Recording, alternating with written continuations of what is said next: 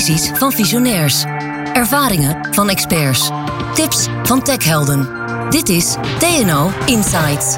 Wij praten met TNO-experts over hun vak en de maatschappelijke vraagstukken waar zij aan werken. Hoe maken zij werken gezonder? Versnellen zij de energietransitie? Houden zij onze steden leefbaar? En helpen zij bij het beter beschermen van onze militairen? Dit is TNO Insights. Nieuwe producten en efficiënter werken wordt mogelijk gemaakt door nieuwe technologieën. Maar nieuwe technologie heeft ook impact op de inhoud van banen. Op welke manier verandert de inzet van technologie het werk van mensen? Welke kennis en vaardigheden zijn nodig, zodat medewerkers langdurig inzetbaar blijven? Is er een manier om technologie mensgericht inzetten, zodat zowel het bedrijf als de medewerker er beter van wordt? En wat is hiervoor nodig? Ik heb twee experts voor je uitgenodigd. Marcel Heers is de gast. Hij is HR-manager bij Lam Weston. En Wouter van der Toren, onderzoeker Sustainable Productivity and Employment bij TNO. Fijn dat jullie er allebei zijn. Uh, Wouter en Marcel, ja, ik gooi gelijk even een stelling erin om te kijken of we de boel op scherp kunnen zetten. Daar komt hij. Technologie leidt tot verbetering van organisatieprestaties, maar zorgt voor uitholling van het werk van mensen. Marcel, eens of oneens? Nou, er zit een nuance in. Uh, ja, dat, daar hebben we uh, stellingen voor, hè, Marcel. Laat ik het zo zeggen, ik ben het er niet mee eens. En okay. waarom ben ik het er niet mee eens? Omdat ik in de praktijk uh, gewoon tegenkom dat mensen met hun drivers, zeg maar, altijd een weg vinden om, om weer toegevoegde waarde te creëren voor zichzelf. En okay. ook weer motivatie te vinden. Dus we moeten het veel breder trekken, zeg maar. Die technologie heeft absoluut invloed, zeg maar. Maar het is niet zo dat daarmee uitholling plaatsvindt. Er is wel verschuiving van de arbeid. En okay. dus verschuiving van skills die nodig zijn. Ja, ja. oké. Okay. Wouter, eens of oneens? Oneens. Oneens, want? Het kan gebeuren, maar het hoeft niet. Oké. Okay. Dus we hebben. Maar we het gevaar is er wel. Het gevaar is er, ja. ja, ja. Als, je, als je er niet bewust mee bezig bent, dan, dan kan het gebeuren.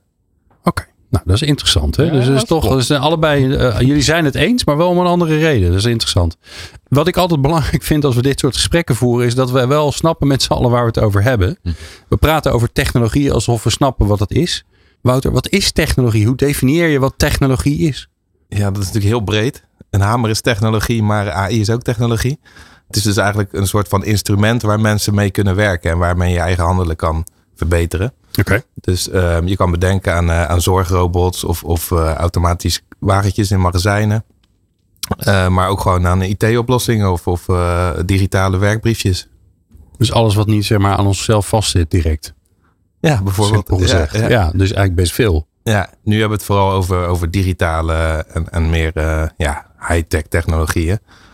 Um, zie je ook veel in de media, maar er zijn ook nog heel veel wat minder high-tech technologieën die ook veel impact kunnen hebben op ons werk. Omdat gewoon heel veel bedrijven daar gewoon nog niet mee bezig zijn. Zoals? Nou, wat ik zeg, zo'n digitalisering van een werkinstructie of van, uh, van, van uh, orderbrieven die je, die je moet samenstellen. Dat zijn, veel bedrijven zijn er nog gewoon fysiek mee bezig, met fysieke briefjes. En uh, ja, er is nog heel veel winst te behalen wat dat betreft. Ja, Marcel, als, ik tegen jou het over technologie heb uh, binnen de omgeving van Lem Weston, wat zie je dan voor je? Nou ja, wat je bij ons heel erg ziet natuurlijk, dat met machine leren zeg maar, en de technologie die we gebruiken, hè, dat dat frietje 360 graden gescand wordt als het ware. En als daar een defect in zit, hè, dan wordt die eruit gehaald. De defect wordt verwijderd, gaat opnieuw door de scan heen. En wat je dus ziet is waar de operator vroeger zeg maar echt heel veel kennis moest hebben van wat gebeurt er nou precies. Moet hij nu kennis hebben over de data wat gebeurt er nou met die machine. En hoe die ik... worden 3D gescand. 3D, of ze wel 3D gescand netjes, of ze helemaal netjes zijn. Wauw. Dus wat dat betreft is dat natuurlijk ook echt wel nieuwe technologie. Waar ik in ieder geval de populatie waar ik mee werk, de mensen waar ik mee werk, de collega's, natuurlijk in een stand heb moeten zetten. Een paar jaar geleden eigenlijk al.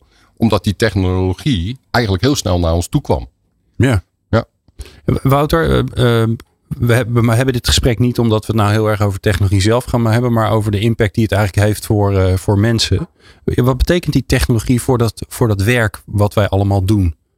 Nou, de, twee betekenissen.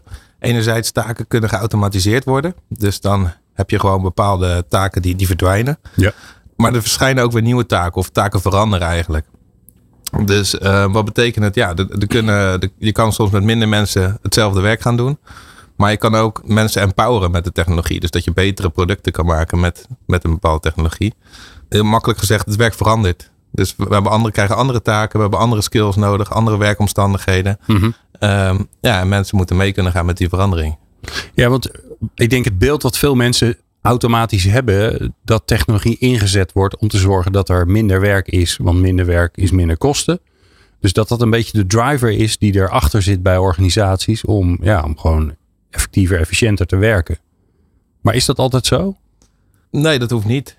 Ja, je ziet in de geschiedenis ook van de, de verdwijnen taken, de verdwijnen banen. Vroeger werkten we allemaal in de, in de, in agricultuur. Ja, Daarna allemaal in dan hadden we touwslagers en zo. Ja, ja, precies. En, en die, die banen zijn verdwijnen maar, verdwenen, maar er zijn heel veel andere voor teruggekomen. Dus je kan niet echt zeggen dat technologie voor structurele werkloosheid of zo zal zorgen. Er komt altijd weer andere dingen voor terug. Want er komen ook weer nieuwe producten, uh, nieuwe diensten, die dan weer juist ja, arbeid vragen. Ja, nou is natuurlijk ook een, een, een, andere kant van eh, de inzet van technologie kan ook zijn dat er, hè, er is nog best wel veel werk wat schadelijk is voor mensen of wat uh, gewoon uh, ja, niet een beetje geestdodend is, hè, waarvan we weten dat het of heel veel stress leidt of te veel routine of gewoon te zware belasting. Hoe, hoe zie je daar de, inzet van technologie voor? Ja, nou dat is een, een, mooie trend. Dus je ziet dat uh, inderdaad het, werk minder zwaar wordt, ook in de tijd. Dus dat kan je zien in sectoren. En de landbouw of industrie was natuurlijk allemaal wat fysiek wat zwaarder. Maar ook nu nog zie je dat het gewoon ja, ergonomisch beter wordt. Minder zwart tillen. Allemaal instrumenten om dat, dat te verbeteren. Ook qua veiligheid zie je wel echt vooruitgang. Um, met veilige systemen. Ja, gewoon safe by design. Dat het gewoon in het systeem die veiligheid wordt verwerkt. Maar ook dat je bijvoorbeeld kan opmerken van... hé, hey, je zit in een onveilige situatie. Want uh, mensen dragen een helm niet. Dat kan je ook allemaal automatisch uh, detecteren. Dus wat dat betreft zien we echt een positieve ontwikkeling. Qua mentale belasting is het wat minder uh, vanzelfsprekend. Oké. Dus, dus, we hebben natuurlijk te maken met heel veel burn-out klachten. Heel veel mensen die toch ja, moe zijn. ja, psychologisch vermoeid van het werk. En dat zijn wel weer aandachtspunten ook voor de toekomst. Ja, want daar merk je dat, nou ja, als ik alleen maar kijk naar, naar mijn, mijn telefoon, mijn, mijn laptop, die zijn standaard ingesteld om mij af te leiden van mijn werk. En vooral allerlei bliepjes en dingetjes. En oh, je hebt een mailtje, oh, er is dit, oh, er is dat. Ja. Um, die moet ik altijd eerst allemaal uitzetten. Ja. Zou dat een volgende trend kunnen zijn? Mijn horloge zegt overigens wel om 11 uur s'avonds tegen me: Het is tijd voor een mindfulness moment. En dat skip ik dan altijd. Dan denk ik, ja, sta ik net mijn tanden te poetsen. Ik ga helemaal niet mindful zijn. Ik ga mijn tanden poetsen. Je kan mindful je tanden poetsen. Ja, ja, ja dat is waar. Zeker. Dat is waar. Ja, precies. Ja. Maar is dat de volgende, zou dat een volgende stap kunnen zijn? Eh, dat je. Ja, dat er ook aandacht gaat zijn voor. Nou, hoe kun je nou echt gefocust je werk doen en al die afleiding uh, buitensluiten? Ja, dus eh, toevallig zijn we daar ook met projecten mee bezig. Van, je krijgt heel veel prikkels, heel veel afleiding, steeds mhm. meer communicatiemiddelen. Als je je telefoon niet opneemt, krijg je via Teams een berichtje, dan krijg je WhatsApp. Dus, dus die prikkels, dat is wel echt een aandachtspunt. Ook voor dus die mentale belasting. En dat kan je ook organiseren. Dus je kan, uh, je hebt het over mindfulness. Je kan mm mindfulness training aanbieden. Zodat mensen beter hun aandacht kunnen reguleren. Maar je kan ook de werkomgeving zo inrichten dat je bijvoorbeeld die dingen uitzet. Of dat je mensen rustmomenten inbouwt. Ja, of dat, ik had het laatst ook dat iemand mij een mailtje stuurde en daarna stuurde hij een WhatsApp. En eigenlijk was het helemaal niet zo dringend. Toen dacht ik, ja, wat ben je nou aan het doen? Weet je wel, je, wil, je bent gewoon zo gewend dat ik snel reageer. Nou ja, dat is weer een heel ander verhaal. Hmm. Marcel, de impact van technologie op de kwaliteit van het werk. Is dat ook iets waar jullie heel erg mee bezig zijn? Dus hoe technologie kan helpen bij, bij veiligheid, maar ook bij de inhoud van het werk. Het leuker maken, beter maken van de inhoud van het werk? Nou ja, wat je ziet natuurlijk in de fabriek is natuurlijk heel veel taken zijn zeg maar uh, best wel heel bezwaarlijk. En zeker natuurlijk op het moment dat je duurzaam inzetbaar wil blijven hè, voor de oudere werknemer. Dat, daar heeft het wel degelijk impact. Dus op het moment dat je dat kan automatiseren of op een andere manier kan doen. Wie voorbeeld? Wat, ook wel bij ons gebeurd is, zeg maar. Hè, als je de, de grondstof die binnenkomt, zeg maar op het moment dat die natuurlijk al gescand is voordat die binnenkomt, die aardappel, zonder dat er nog uh, rommel in zit, ja, dan dat scheelt dat natuurlijk een hele hoop. En dat betekent dus wel dat die medewerker die daar in principe zijn werk had, ja, daar is het werk nu wel weg. Ja. Dus die, die, is, die is andere taken gaan doen. En die hebben we wel mee moeten nemen in, ja, wat, wat ga je dan doen? Ja. Ik bedoel, dus ik, ik, ik denk, uh, dat wat Wouter allemaal zegt, dat klopt allemaal. Alleen ik beleef het echt in de praktijk, zeg maar, wat de impact is van technologie en veranderingen.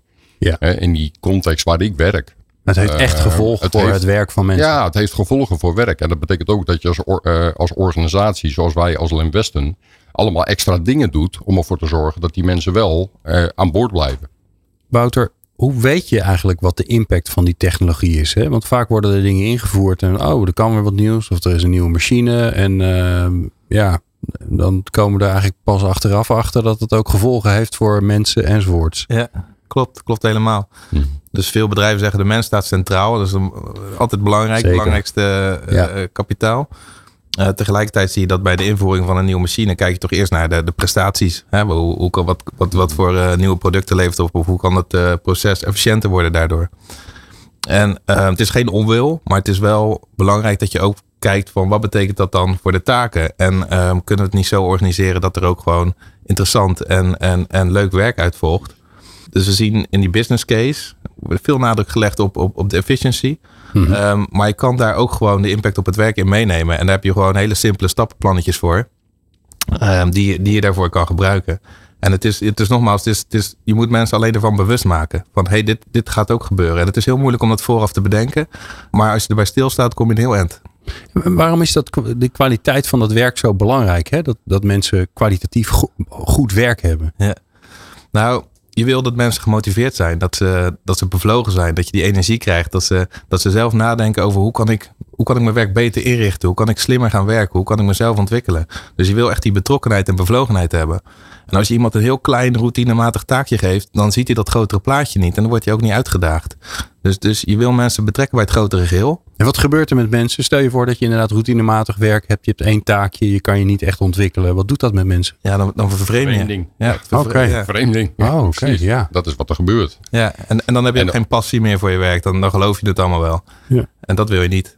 Ja. Nee, Marcel, ik hoor je al ja, zeggen van ja, dit, je, je kweekt natuurlijk mensen die zeg maar uh, uh, heel, ja, echt vervreemden zeg maar, van hun werk.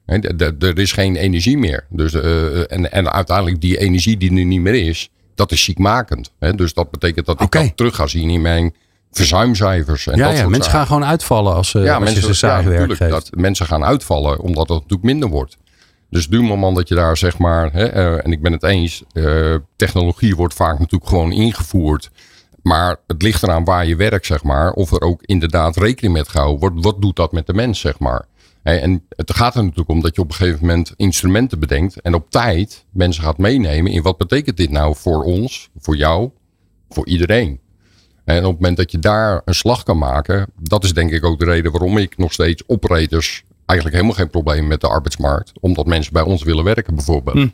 En, dus dat, en dat scheelt al met andere bedrijven in de omgeving, waar daar misschien minder rekening mee moet gehouden. Uh, ja, daar, daar, willen mensen dan ook niet meer heen natuurlijk. Ja, ja. Dus het is ook een beetje hoe ga je ermee om? Hè? Ik bedoel, uh, dus ook het feit wat het projecten die we gedaan hebben, zeg maar, heeft ook heel veel mensen zeg maar wel in de stand gebracht van ja, er komt wat op ons af. We moeten nu anticiperen, anders zijn we te laat. Hey, en hoe pak je dat dan aan? Hè? Want uh, nou, er komt, er komt nieuwe technologie, er komen nieuwe machines, er komt, uh, er komt nieuwe uh, ja, software, vind ik stom klinken. Het zit tegenwoordig allemaal in de cloud, nieuwe toepassingen komen er binnen. Ja, ja. ik kan merken dat ik ouder begin te worden. Hoe zorg je dan dat je scherp hebt waar de impact zit en, mm en, ja, en hoe je dan ervoor gaat zorgen dat, ja, dat de collega's wel interessant werk blijven houden? Nou, een paar dingen denk ik die we gedaan hebben. Eén is van, uh, we hebben gekeken naar leidinggeven. Hè, van hoe, hoe kan je zeg maar contact maken met je medewerker om de medewerker uit te nodigen. Zeg maar, waar ligt je nou bij jouw behoefte? Waar, ligt, waar, waar, waar, waar tik je nou voor? Wat is je driver? Maar ook medewerkers zelf, hè, om, om te kijken van, ja, waar, waar ga ik nou eigenlijk voor? En op het moment dat je ja, dat hoe kan, doe je dat? Ja, door eigenlijk een goed gesprek. Ja, dat klinkt heel raar misschien. Ja? Want we maar hebben wie voert dat prachtige, gesprek? Uiteindelijk kan de leidinggevende dat doen. Ik denk dat ik wel iemand ben die dat uiteindelijk bij iemand naar boven kan halen. Okay. Ja, en op het moment dat je daar je populatie zeg maar mee uitrust met de tools om uh, heel dicht bij die medewerker, bij die collega te komen. Zo van, joh, eh, wat vind jij nou belangrijk? Hoe, hoe wil jij nu, wat wil je leren? Wat, hoe wil je je ontwikkelen? En tuurlijk, ik bedoel, het lijkt allemaal een heel mooi praatje wat ik nu vertel. Uh, en dat gaat ook niet zonder slag of stoot, Glenn. Hè? Ik bedoel, er zijn ook collega's bij ons bij Waarvan ik denk, ja, dat, dan missen we net de boot nog. Hm. Weet je? En, dan, en dat maakt het voor mij juist heel interessant om te kijken van waar zit nou die driver bij die persoon? Ja. Om er toch voor te zorgen dat die dat hij gemotiveerd blijft. Daar komt en, het eigenlijk op neer. En Marcel, en hoe zorg je er dan voor? Hè? Want de leidinggevende heeft hier een belangrijke rol in. Hè? Want jij kan niet met iedereen praten. Daar hebben jullie gewoon te veel mensen voor, kan ik me voorstellen. Mm -hmm. Dus die leidinggevende heeft een belangrijke rol. Maar ja, die heeft heel veel belangrijke rollen. Zeker. Want die moet ook nog 133.000 andere dingen doen. Ja. Hoe zorg je er dan toch voor dat, die, dat zij of hij hier tijd voor maakt. Het ook leuk vindt. Uh, echt geïnteresseerd is. Dat is dat gesprek voeren, dat lijkt, lijkt zo logisch. Maar het is best wel lastig. Absoluut. Absoluut hartstikke lastig. Want als je de gemiddelde de- mens vraagt, goh, wat, wat vind jij nou echt leuk Ja. om te doen? Dan Ja. krijg je, eh, Ja, en, en we hoeven niet overal psychologen voor te hebben. hè. Ik bedoel, daar gaat het natuurlijk ook om. Dat gaat er dus om dat je in je leiderschap, zeg maar, echte interesse hebt eh, en krijgt misschien en ontwikkelt in die, ja, in die collega van je. Ja. Wat, wat maakt dat nou? Ja, en daar ga ik altijd ten volle voor. Hè, dat ze echt weten van wat speelt er nou? Wat speelt er in die medewerker? En dat betekent ook dat je kijkt naar waar tikt hij in zijn privéleven voor. Hè, als dat is dat hij een, eh, een goede vader wil zijn, dan wil hij misschien ook wel iemand opleiden. Oké, Eh, dat- ja. Snap je, als je dat soort verbanden kan maken. Van als iemand een hele goede vader wil zijn voor zijn kinderen. Wil hij misschien ook wel in het team een hele goede mentor of opleider zijn. Ook binnen een team. ja. En hoe leer je dat een leidinggevende? Of hoe maak je dat wakker bij een leidinggevende? Nou ja, uiteindelijk dat is denk ik de crux. Hè. Dat lukt niet altijd bij iedereen. Maar uiteindelijk is dat hetgene waar je naartoe eh, kijkt. Van, of in ieder geval eh, eh, qua verwondering en, en qua actie zeg maar. Probeert boven te halen. Wat, wat, wat tikt het voor hem? Ja. Ehm, ja, en, en, en dat is denk ik grotendeels ook het werk wat wij in ieder geval met z'n allen proberen te doen. Om dat boven water te krijgen. Ja. Maar jij gaat dus echt met die leidinggevende aan de slag. Eh, dat, dat, dat is wel wat ik doe, ja. Ja. Ja. Ja. Niet altijd eh, zijn ze daar blij mee, eh, Glenn. Ja. Nee, En ook dat in de dan ook weer. context van eh, nieuwe technologieën die je invoert. Ook daar kan je vragen.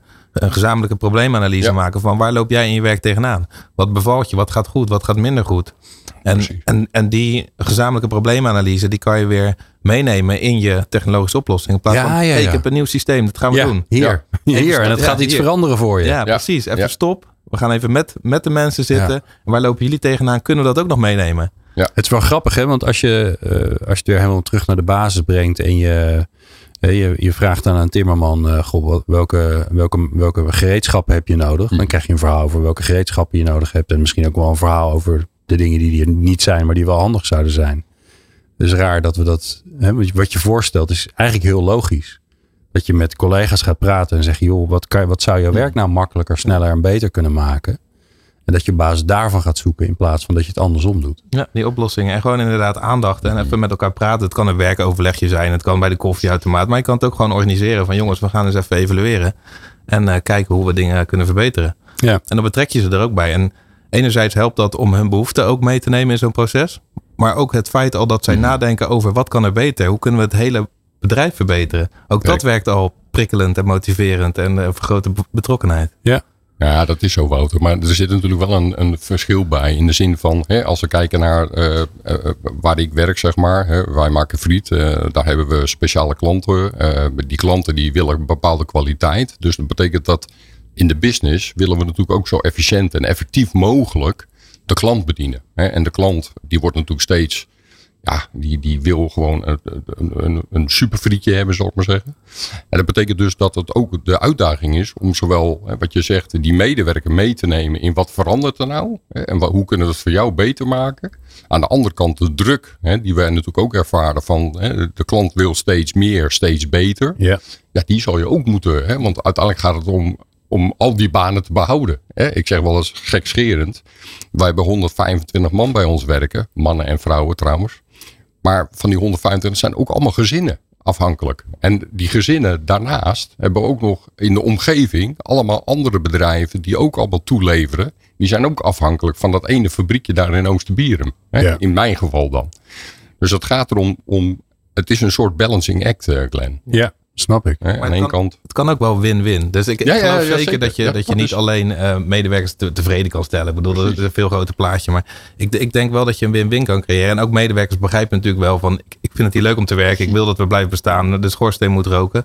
Ehm, maar op het moment dat je ze betrekt bij zo'n implementatieproces... en dat ze daardoor ook beter met die technologie gaan werken... dan ja, door die balancing act waar je het over hebt... Kan je wel proberen om die win-win te creëren. Zeker. Van en betrokken en, en tevreden medewerkers... en tevreden klanten. En dat, dat is natuurlijk het ultieme doel. En het is Zeker. Ja. Zeker. Marcel, je hebt En dat lukt al, niet altijd, Nee, eh, nee, Wouter. nee, nee, nee, nee.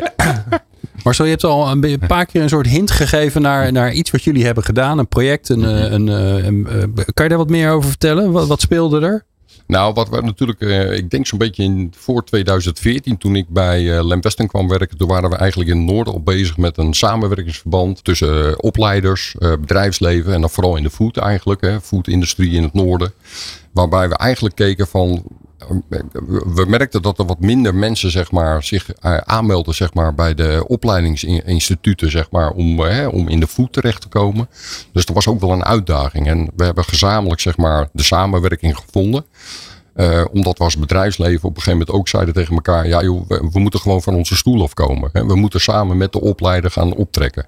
Uiteindelijk, na een paar jaar, is daar TNO uh, ook bij gevraagd. Om TNO ook te vragen: van joh, hè, kunnen jullie onderzoek doen van wat gebeurt er nou allemaal in die markt? Okay. En wat ik mezelf nog uh, heel goed kan herinneren, dat op een gegeven moment dat we zagen dat die technologie en al die veranderingen op ons afkwamen. Toen ben ik begonnen met strategische personeelsplanning, zeg maar, in de fabriek eigenlijk om mijn leidinggevende en mezelf uh, het vizier steeds een jaar vooruit te zetten. Hè? Want uh, op het moment dat je natuurlijk in een productiebedrijf werkt, dan denk je van ik heb nu mensen en volgende week zijn ze misschien weg. Maar dan pas ga ik handelen. En op het moment dat je natuurlijk een jaar vooruit kijkt, en nu zelfs drie jaar vooruit, van wat gaat er gebeuren? Welke mensen gaan natuurlijk weg? Hoe gaan we die vervangen? Hoe gaan we de kennis die we hebben vasthouden? Hoe gaan we die kennis holistisch vrijmaken? Ja. En dat is eigenlijk wat we nu elk kwartaal met, hè, met de ploegleiders zeg maar doen. Om elke keer te kijken, wat, wat komt er op ons af? En hoe reageren we daarop? Elk kwartaal. Ja. Zo, wauw. Ja, dat, Dat is best best wel veel, eh Ja. Klein. Ja. Maar ja, dat goed, weet je, dat, dat, dat zorgt er ook voor dat, ze, dat, dat de collega's met het vizier meer vooruitkijken. En dus veel meer proactief reageren op wat gebeurt er met technologie, wat gebeurt er in de arbeidsmarkt. Corona hadden we niet voorzien natuurlijk, Clem. Nee? Maar ik denk Oh. velen niet. Maar het zorgt er wel voor dat je dan toch wat flexibeler misschien mee om kan gaan. Hè? Omdat je al gewend bent om Omdat je gewend bent vaak met daar- elkaar daarover Precies. te praten. Ja, Ja. Wij hebben geen mensen hoeven laten gaan. Dus Ja. hè, dat, is, nou, dat is ook denk ik een mooi voorbeeld. Ja. Omdat je dan toch iets eh, voor ze kan betekenen. Ja. Ja. Eh, je- de TNO werd al even genoemd, eh. Wouter. Als het gaat over, over het onderzoek wat jullie daar hebben gedaan. Waarom is dat dan belangrijk?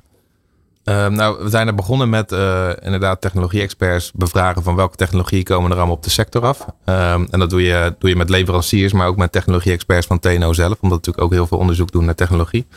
En dan kijk je samen met, met, met de ondernemers en de bedrijven van wat kan dat betekenen binnen onze organisatie? Hoe, hoe kunnen onze producten en diensten veranderen? Hoe kunnen onze werkprocessen daardoor veranderen? Eh, en ook in werksessies met, met Marcel en met, eh, met collega's en ook gewoon operators eh, kijken van wat betekent dat dan voor onze taken? En wat betekent dat dan voor onze skills? Oké. En die informatie die kan je dan weer meenemen naar het MBO, waarmee zij hun opleidingsprocessen kunnen aanpassen. Dat is, dat is één. Aha. Maar je kan ook zelf kijken van oké, hoe moeten wij dan onze mensen laten ontwikkelen? Want want ehm, ja, af en toe, MBO is heel belangrijk. Hè? Formele opleiding is heel belangrijk. Maar als je werk hebt waar je in kan ontwikkelen, is dat zeker zo belangrijk. Omdat je heel veel leert van het werk zelf. Dus we hebben ook eh, samen met de bedrijven gekeken van wat kan je nu veranderen in de organisatie om het werk meer lerend en, en eh, eh, ja, leerrijk te maken. Ja. Dus dat en waar kom je dan op uit? Nou ja, wel inderdaad, het taakniveau is heel belangrijk. Dus, dus gevarieerd werk, uitdagend werk, mensen autonomie geven. Dus eh, zowel verantwoordelijkheid als, als eh, bevoegdheden. Dus eh, het is mijn probleem, en maar ik heb ook de ruimte om het op te lossen. Oké. En dat moet je dan ook eh, niet directief aansturen, maar meer, meer participatief, meer coachend. Zodat mensen zelf gaan nadenken van hoe kan ik, eh, hoe kan ik dingen slimmer doen. Dus, dus we hebben gekeken van hoe kan je leren en een innovatieve organisatie bouwen. En daar kan je dan op eh, interveneren. Mooi.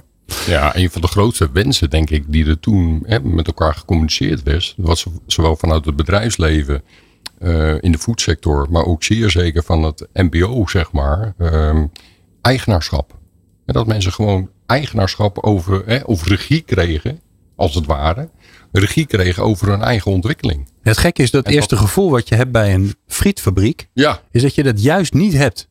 Hè, dat er is een, je krijgt toch een beetje een Charlie Chaplin eh, eh, Modern Times eh, idee van er, is een, er is een hele grote machine. En dan mag ze nu en dan eens aan een paar knoppen draaien en, en een paar hendels trekken. Maar dat is het dan ook. ja, liever niet meer aan die hendels trekken. Nee, maar, eh, Nee. Nee, maar dat, niet. dat is natuurlijk het idee heb je van nou, Ja, ja, in ja, de fabriek. klopt, ja, klopt. daar zit je in de stroom.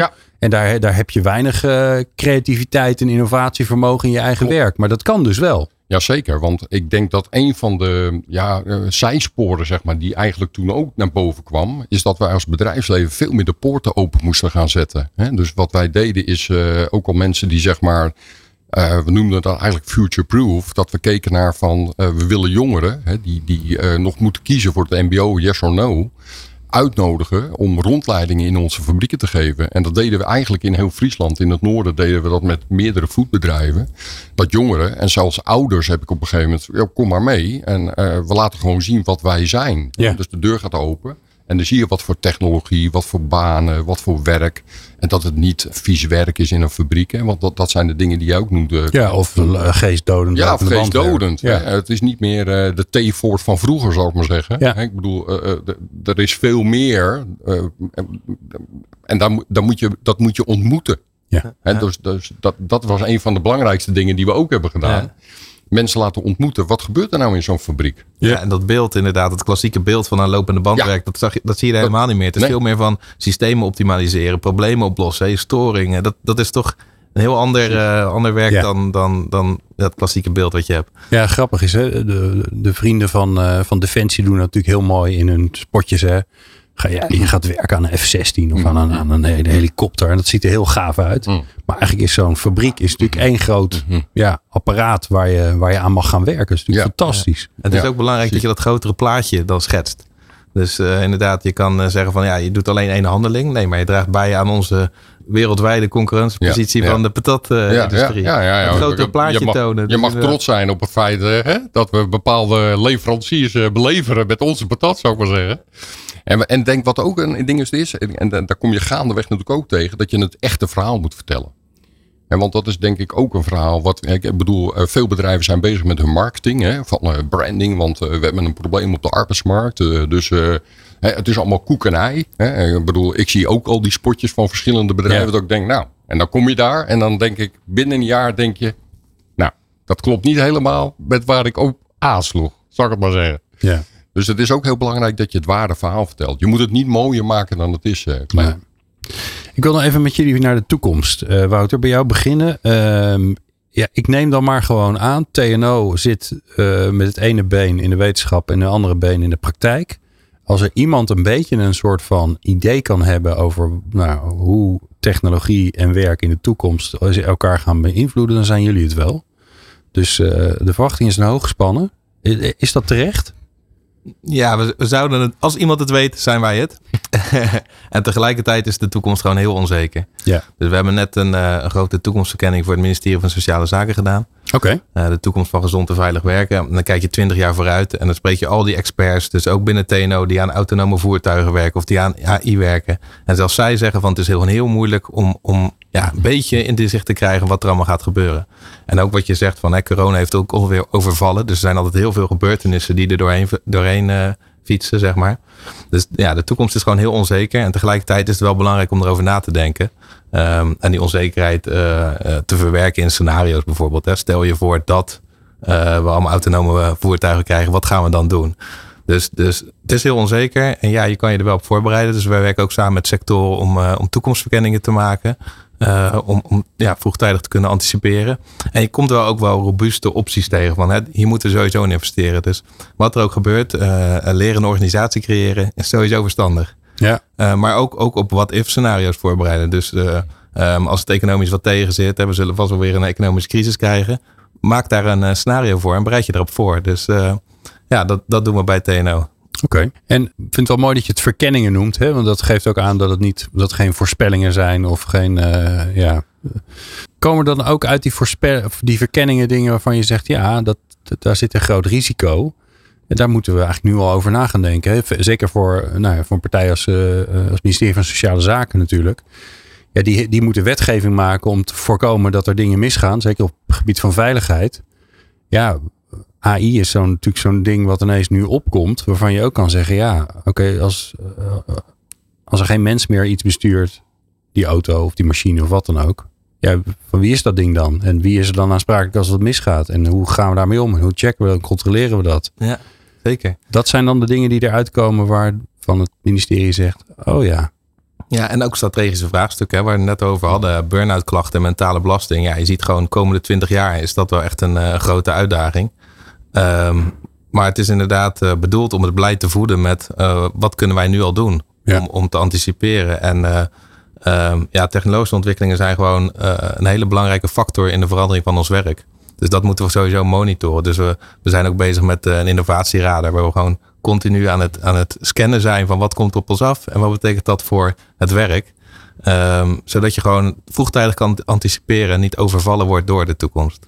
En kunnen we dan de komende tijd nog meer schokkende nou, dingen die voor veel mensen denk ik uit de lucht komen vallen. Zoals zo'n, iedereen heeft het erover, dus wij gaan het ook maar doen. Over zo'n ChatGPT, mm wat ineens gelanceerd wordt, waar iedereen mee gaat spelen en knutselen. En ineens kom je erachter dat je er heel veel bizarre dingen mee kan, waarvan je van tevoren nooit had gedacht dat het ooit zou kunnen. Zoals bijvoorbeeld een intro schrijven voor een, uh, voor een podcast. Dat was niet deze overigens, maar ik heb al een keer een, een, intro laten schrijven voor een podcast. En dat, nou, is best oké. Ja. Eigenlijk. Ja, ja, ja. Nee, ja, we zullen zeker overvallen worden. Dus uh, uh, dat, dat, dat is gewoon heel lastig om dat, dat te voorzien. Maar je kan je wel gewoon voorbereiden aan een breed palet aan dat soort technologieën. Dus, uh, en, en als je dan weet dat ze daarmee bezig zijn, dat je dan in een heel vroeg stadion erover nadenkt. En niet pas een half jaar later van, oh, het is toch wel, uh, het is toch wel impactvol, hè? Ja, het was toch niet een, uh, maar een dingetje. En het heeft altijd, er zit altijd kansen en bedreigingen aan. Dus je moet het ook niet uh, zeggen van, we moeten alles tegenhouden of zoiets. Nee, je moet echt kijken van, wat zijn die kansen en die moeten we verzilveren. En tegelijkertijd ook ja, anticiperen op de risico's. Ja, ja, hoe, ik denk hoe werkt het dan bij jullie, Marcel? Want, ja, ik, ik, ik, ik, bedoel, ik, ik snap wat Wouter zegt. Weet je, wat ik zelf interessant vind, maar dat is meer omdat ik daar uh, geïnteresseerd in ben. Als je kijkt naar Boston Dynamics, robots die vervallen van alles nu kunnen, zeg maar. Um, en, en, je voelt dat binnen. En inderdaad, ChatGPT daar. Dus het betekent als ik een brief binnenkrijg van een, uh, een sollicitant. Ja, wie heeft hem geschreven? Hè? Ik bedoel, als ik dan in het gesprek zit. Dan denk ik van, hé, hey, dat staat toch wat anders dan wat jij nu laat zien aan mij. Um, dus het heeft, het heeft nu al een impact, zou ik bijna zeggen. En ik denk, ja, je zal erop moeten anticiperen, maar wel met een open mind. Dat betekent dat angst is denk ik niet een hele goede, hè, om, uh, of onzekerheid. Hè. Dat is niet iets wat ons mensen zeg maar verder brengt. Dus ik denk dat je inderdaad moet kijken naar wat gebeurt er. Aangesloten blijven en kijken wat de impact is en daarop reageren. En op het moment dat je het puur hebt over je mensen, human capital, dat, het, dat die klaar zijn met elkaar ja, om dat soort dingen op te kunnen vangen, zeg maar. Ik denk dat dat een hele belangrijke is. Eigenlijk net als wat we met corona min of meer hebben over, ja, wat ons overkomen is, zou ik maar zeggen. Ja, en het, en het stimuleert ook wel weer wat je zegt van, uh, uh, nou corona, door corona zijn we allemaal gaan beeldbellen in kantoorwerk bijvoorbeeld. Hè? Dus dat is ook wel weer positief dat je dat doet. En, en bijvoorbeeld een verslagje maken, dat je dat niet meer handmatig moet doen, maar dat uh, nee. ChatGPT dat wel kan doen. Ideaal. Precies. Alleen je moet wel weer wat anders gaan, gaan werken. Dus bij jullie worden de interviews waarschijnlijk belangrijker dan de brieven. Ja, ja nou ja, dat zou kunnen. Of dat je zegt van ja, je kan door middel van AI al voorspellend uh, werken. Oh, omdat iemand zeg maar bepaalde dingen ingeeft in een, in een, in een technologische omgeving.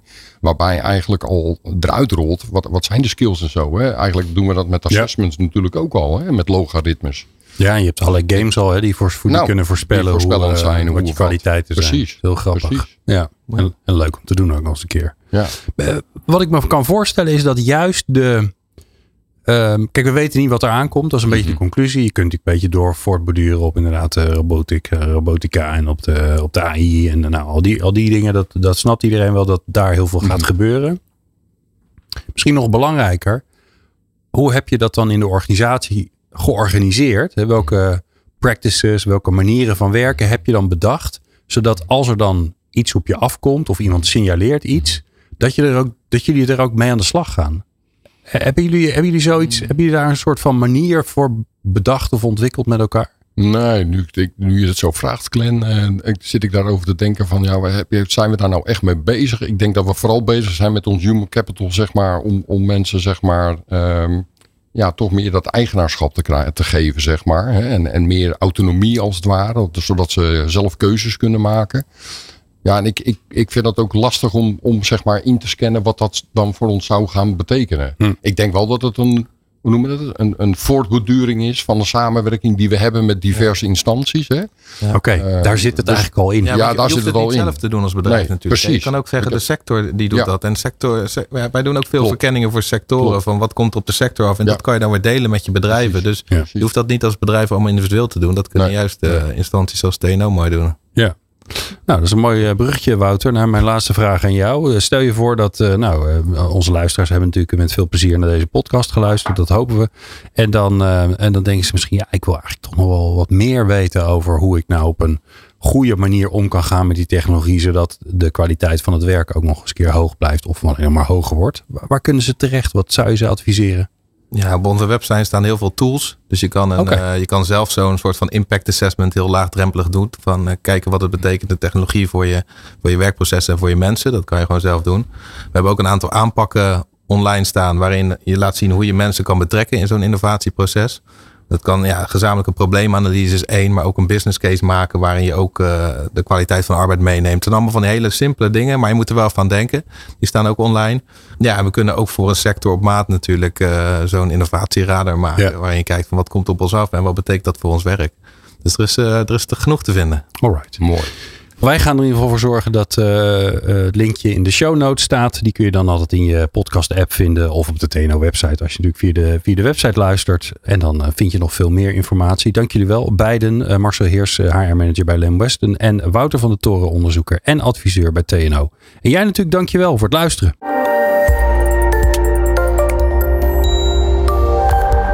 Bedankt dat je hebt geluisterd naar TNO Insights.